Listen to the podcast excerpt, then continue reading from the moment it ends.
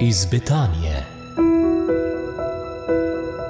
Tudi danes lepo pozdravljam v naši rubriki profesorja gozdarstva Leon Krnel. Dobr dan. Dober dan. O svoji pedagoški poti ste prejšnjič že spregovorili, pa me zanima zdaj konkretno, kaj je za vas največji izziv, ko stopite v svoj razred med svoje dijake. Čeprav morda stopim večkrat v isti razred, mi je izziv to, da so ti otroci drugačni od včeraj. Tako kot sem jaz drugačen od včeraj in jim je mogoče prisluhniti, jim je mogoče nekaj povedati drugače kot včeraj. Tudi tisti otroci, ki so moteči ali pa karkoli, pravzaprav so moteči iz razloga, da bi jim jaz znal prisluhniti, da bi jih pravzaprav znal vključiti v to, ta proces in hkrati, da bi oni mene obogatili. Če gledam na tak način, potem je to super. Če pa vidim vselej v razredu iste probleme, iste dijake, iste študente, iste otroke, potem eh, greš s težavo v razred. Zdaj stvar je taka, da v različnih okoliščinah, posebej v, pri pouku v naravi, je to dosti lažje kot tisti, ki so samo v razredu.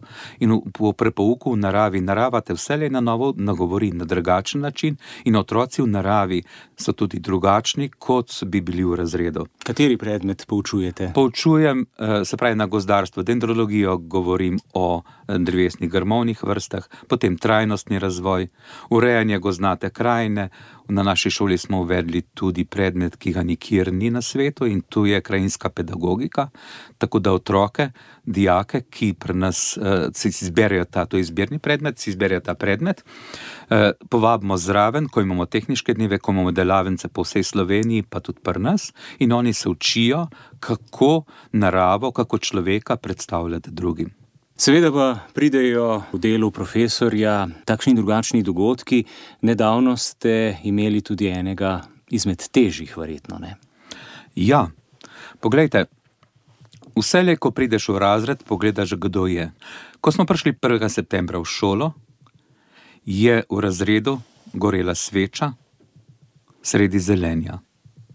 En izmed naših dijakov, zamec Jakob Bitežnik, je dan prej umrl. Deset dni približno prej se je po nesreču, prepadcu na glavo, je prišlo do hudih poškodb, tako da je bil v bolnici, na operacijah v komi, vendar se stvar za enega, se pravi, se ni, uh, ni končala dobro in je umrl. Uh, svetovalna delavka skupaj sva prišla, prej sem pripravil to svečo, prej sem pripravil zelenje, in svetovalna delavka je prišla in razdel, smo razdelili liste in prosili, da vsak od nas, dijakov in mene kot razrednika, eh, napiše nekaj v slovo temu dijaku. In smo napisali in smo predali staršem. To je bilo pol tudi objavljeno, hkrati smo napisali nekaj na spletno stran šole in smo se odpravili tudi na pogreb.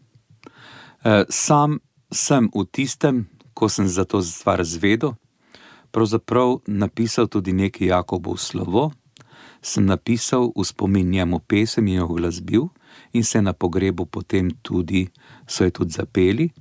Na tak način smo se nekako poslovili, in slovo ni bilo tako težko. Še zdaj, še zdaj imamo v razredu svečo in sliko tega dijaka, in ko prihajajo z cele Slovenije otroci, in sprašujejo, in povem to zgodbo. Jakob je bil neverjeten človek, tu, smo, tu sem zvedel šele pozneje, ko, ko sem se pripravljal na njegov pogreb. Sodeloval je mrsike z mladimi, vse sorta, hkrati je bil športnik, hkrati je bil glasbenik. In potem smo zvedli eh, na pogrebu šele, da je pravzaprav tudi svoje organe zapustil drugim ljudem. Se pravi, živi v drugih ljudeh, kar pomeni, da je nekaterim podaljšal življenje, tistim, ki bi jim pa na črno vzeli te organe, je pa ohranil življenje. Verjetno je tu kup tematik, snovi za pogovor z dijaki, torej njegovimi sošolci. Ste jih načeli? Ne, nismo jih še načeli. Se pravi, smo še zmeraj v taki fazi, da se poslušamo in tako naprej. Enkrat, ko bo ta prilika, oni so svoje napisali, kasneje se bomo pa o tem tudi pogovorili. Konec koncev, ne vidim, da so to smrt sprejeli kot, uh, kot en spomin, kot eno zadevo, da pravzaprav vsak dan, ko ga preživimo skupaj v šoli, naj bo težk ali pa lahk, je podarjen. Tako kot je na vsak dan življenja podarjeno. Gospod Leon Krnel, hvala lepa, ker ste nam podarili delček svojega življenja, delček navdušenja nad eh, pedagoškim delom.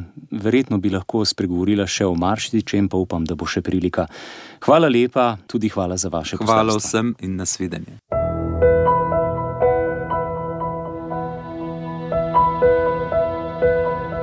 Iz Betanije.